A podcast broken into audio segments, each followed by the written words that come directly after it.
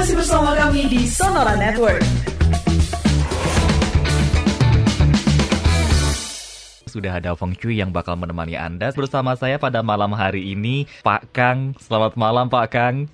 Selamat malam Juragan Harya. Apa kabar, Pak Kang? Sehat? Lalu lalu eh.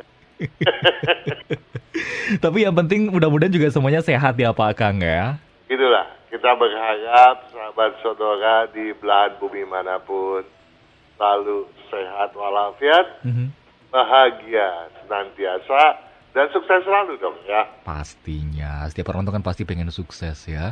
Anyway, yang lagi rame apa ini Pak Kang di YouTube-nya? Ada video feng shui pintu utama, keseimbangan hidup, harmonis dan kaya. Hmm. Mau tanya dong katanya.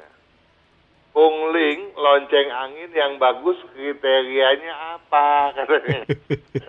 Nyambung kan? Emang ada kriterianya Pak Kang? Nah, ada Ah, terbuat dari tanah, yaitu dari keramik. oke. Di tengahnya sih ada ada ada juga keramik buat memukulnya, ada juga dari besi. Mm-mm. Jadi dia bunyi, nah, bunyinya bunyi keramik. Ada juga yang dari batang logam. Ada yang dari kayu, dari bambu. Hmm. Zaman sekarang ada yang dari plastik. Lah, emang bisa bunyi? Eh, te- kan dia yang penting menebarkan angin, ah, oke, oke. memecah energi, tahu? Iya, iya. Nah, ada yang sekian batang eh, anak-anak itunya, apanya cleaningannya, gitu. Tapi itu kita nggak usah pusingin. eh?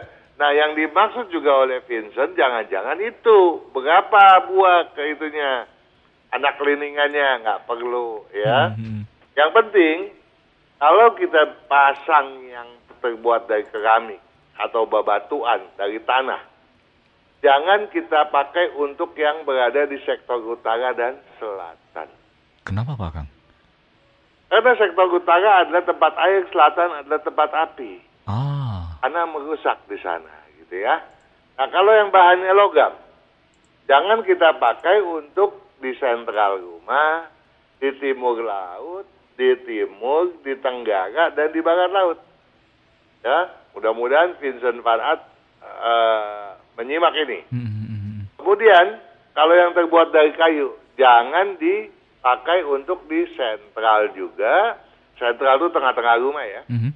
Di utara, di timur laut, dan juga di barat daya jangan. Selatan, api? Kalau eh, kalau kayu dipasang di selatan nggak apa karena kayu menumbuhkan api, Hmm, gitu, oke, rusak.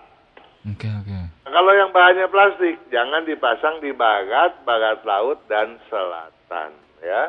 Ya, jadi jumlah cleaningan tidak masalah. Nah sekarang mungkin yang ditanya lagi sama si ini Dedi Arifin. Heeh. Oh, kalau saya pasangnya yang apa Pak Kang?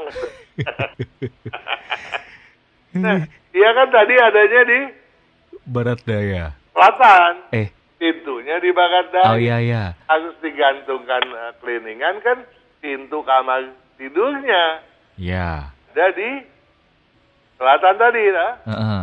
Nah, kalau yang di selatan yang boleh apa tuh? Nah, misalnya tanah, tanah kan nggak boleh di selatan. Hmm. Logam boleh, gitu kan? Kayu? Nah, kayu boleh. Kalau plastik jangan. Gitu. Mhm. Nah, kemudian untuk pintu yang berhadapan dengan eh, dapur, ini sebaiknya kalau bisa sih nggak pasang cleaningan ya. Sebaiknya betul-betul eh, kamar tadi dialih fungsikan kalau di dalam rumahnya eh, Dedi Arifin ada anak gadis gitu ya. Heeh. Oh ada anak perempuan walaupun masih kecil. Tapi kalau enggak ya nggak masalah. Kita bisa pasang penyekat atau kita pasang cleaningan. Nah, karena itu adanya di posisi utara, maka yang bagus apa? Tanah nggak boleh. Ya. Yang logam oke dong karena logam mencipta air karena Hmm. utara ada tempat air begitu ya. Yang kayu jangan. Nanti utara rusak karena harus mensubsidi kayu. gitu. Lapuk. Eh, yang yang plastik ya boleh gitu ya. Hmm. Jadi paham ya? Ya, dikit-dikit Pak Kang. Ya. Baik. Kita ketemu lagi minggu depan ya Pak Kang ya. Oke, sampai minggu depan. Sukses selalu. Selamat malam juga, guys. Selamat malam kembali. Dan juga sahabat Sonora, Pak Kang dan Haria pamit. Ketemu lagi minggu depan.